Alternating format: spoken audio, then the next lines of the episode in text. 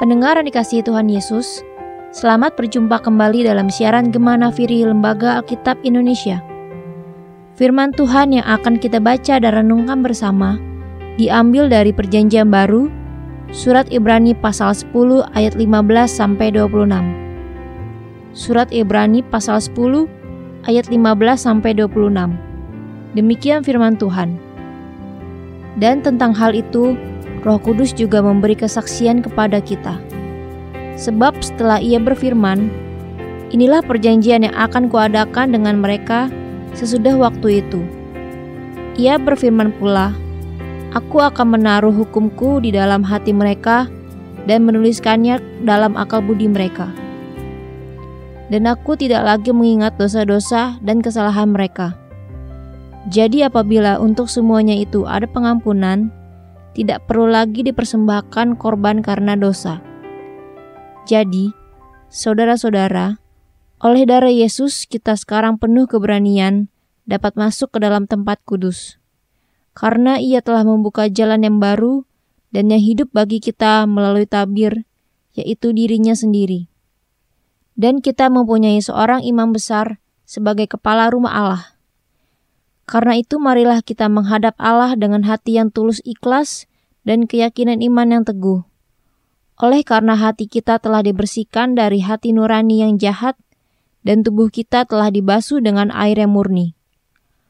Marilah kita teguh berpegang pada pengakuan tentang pengharapan kita. Sebab ia yang menjanjikannya setia. Dan marilah kita saling memperhatikan supaya kita saling mendorong dalam kasih dan dalam pekerjaan baik. Janganlah kita menjauhkan diri dari pertemuan-pertemuan ibadah kita seperti yang dibiasakan oleh beberapa orang. Tetapi marilah kita saling menasihati dan semakin giat melakukannya menjelang hari Tuhan yang mendekat. Sebab jika kita sengaja berbuat dosa, sesudah memperoleh pengetahuan tentang kebenaran, maka tidak ada lagi korban untuk menghapus dosa itu. Saudara terkasih, Kembali kita merenungkan bersama firman Tuhan yang mengajarkan kita untuk hidup dalam pola pikir yang positif. Namun, sebagai manusia berdosa, kadang kita tidak bisa lepas dari pola pikir negatif yang membuat arah hidup kita tidak sesuai dengan rencana kita dan rencana Allah. Ada manusia yang memiliki pola pikir selalu tertimpa musibah, sehingga apa pun yang ia lakukan selalu tidak berhasil.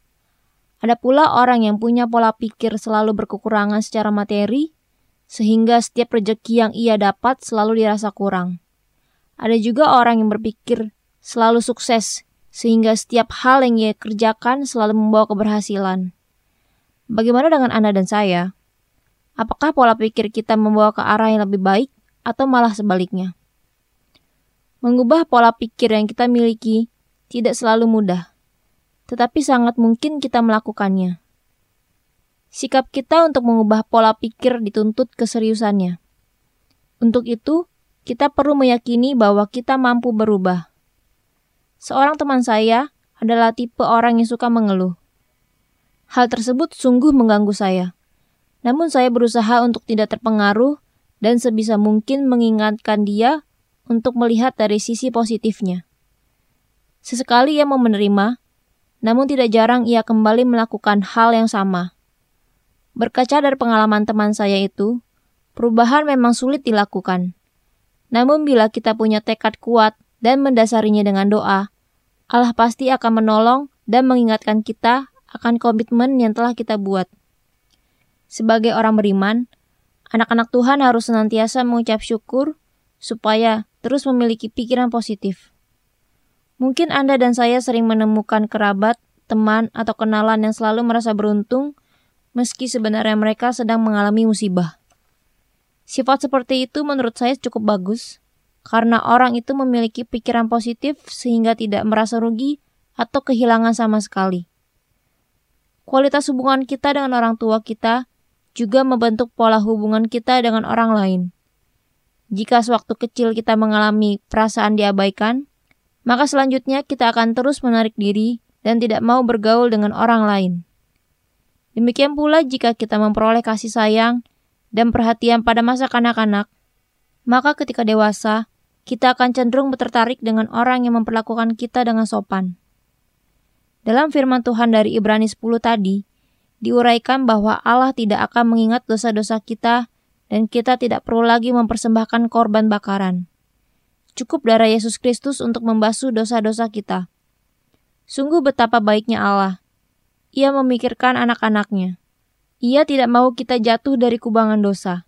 Sehingga barang siapa yang percaya kepada Yesus Kristus layak memperoleh keselamatan. Keselamatan melalui Yesus Kristus menjadi modal orang Kristen untuk memberitakan kabar baik dan menyatakan kasih Allah di dunia. Terus terang kita merasa sedih bila anak-anak Tuhan yang terlibat dalam dunia kejahatan, korupsi, penipuan, dan lain sebagainya. Sedih rasanya bila kita membaca surat kabar atau menonton berita di televisi bila pelaku kejahatan memiliki nama Kristiani. Namun, apakah anak-anak Tuhan hanya bisa diam dan cukup bersedih saja melihat kejahatan yang semakin merajalela? Untuk itu, mulailah mengubah sikap dan pandangan hidup kita agar serupa dengan Kristus yang penuh kasih. Perubahan yang akan kita lakukan pasti ada tantangannya. Misalkan kita mulai mengubah kebiasaan dalam membelanjakan uang dan mulai mau menabung. Tetapi di mall atau di situs belanja online banyak diskon. Adanya tantangan dan godaan harus kita hadapi agar tidak mudah jatuh. Bila ingin ke mall, alihkan tujuan ke rumah teman atau ke mana saja yang dapat menjauhkan diri dari godaan belanja. Bila di depan gadget, alihkan ke situs-situs perencanaan keuangan atau pada artikel-artikel yang memotivasi. Dan yang terbaik adalah membuka Alkitab kita dan belajar firman Tuhan. Di awal perubahan mungkin berat, tapi seiring berjalannya waktu, hal itu akan menjadi kebiasaan, sehingga kita tidak merasakannya sebagai beban. Perubahan memerlukan pengorbanan dan keseriusan Mari bersama Tuhan kita ubah sikap hidup ke arah yang lebih baik, sehingga akan menjadi kebiasaan baru bagi kehidupan kita. Tuhan Yesus memberkati kita semua. Amin.